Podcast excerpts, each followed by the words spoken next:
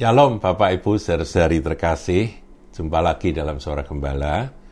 Kita akan lanjutkan tentang parakletos atau penghibur atau penolong kita yaitu roh kebenaran roh kudus yang akan menyertai kita dan tinggal bersama-sama dengan kita.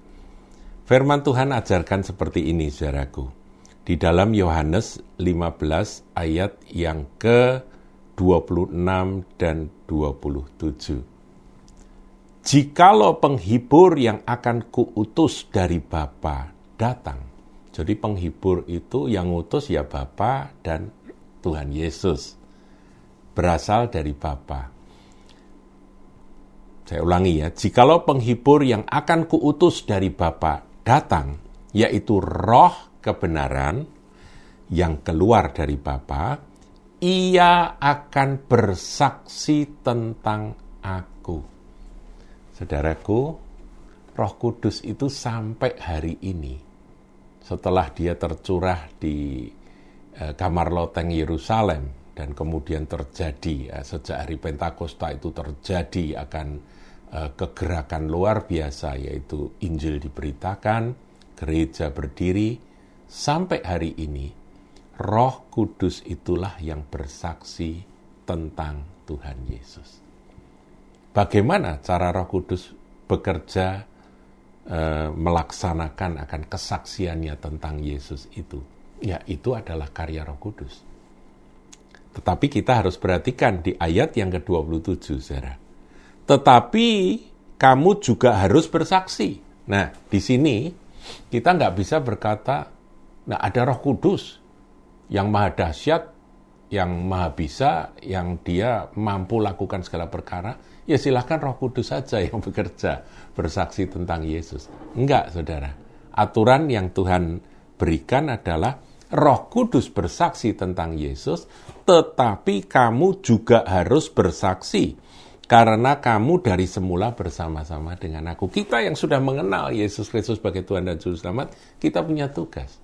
Kita bersaksi kita memberitakan akan Yesus Kristus adalah Tuhan Juru Selamat satu-satunya. Tidak ada orang yang bisa datang kepada Bapa kecuali melalui dia. Dialah jalan kebenaran dan hidup itu. Kita bersaksi.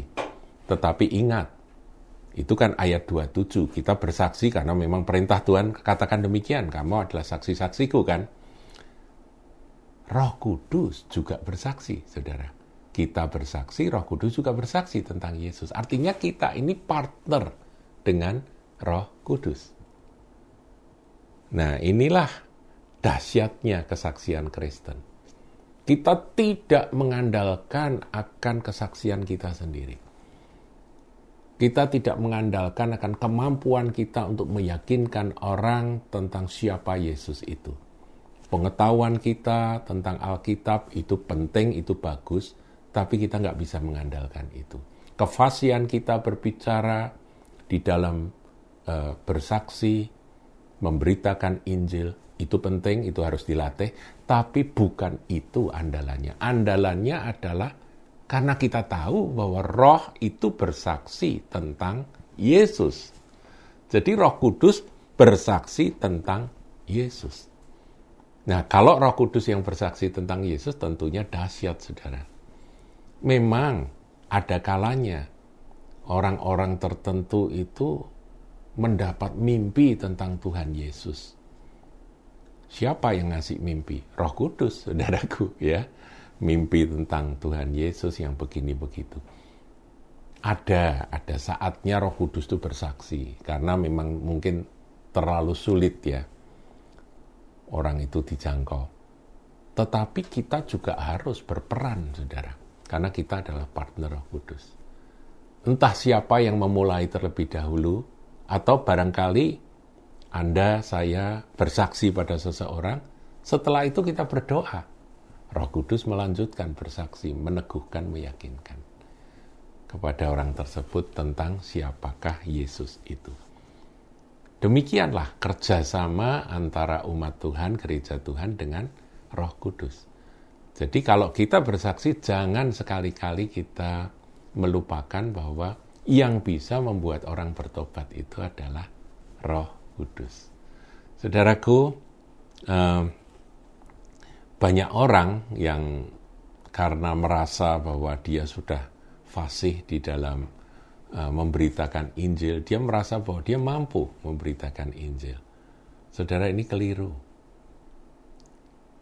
Sebagus apa pun kita memberitakannya, selancar apa pun kita menyampaikannya, kalau tidak ada Roh Kudus yang ikut bersaksi, orang itu tidak akan bertobat. Ini harus kita pegang sebagai prinsip di dalam pelayanan pemberitaan Injil. Tuhan Yesus memberkati.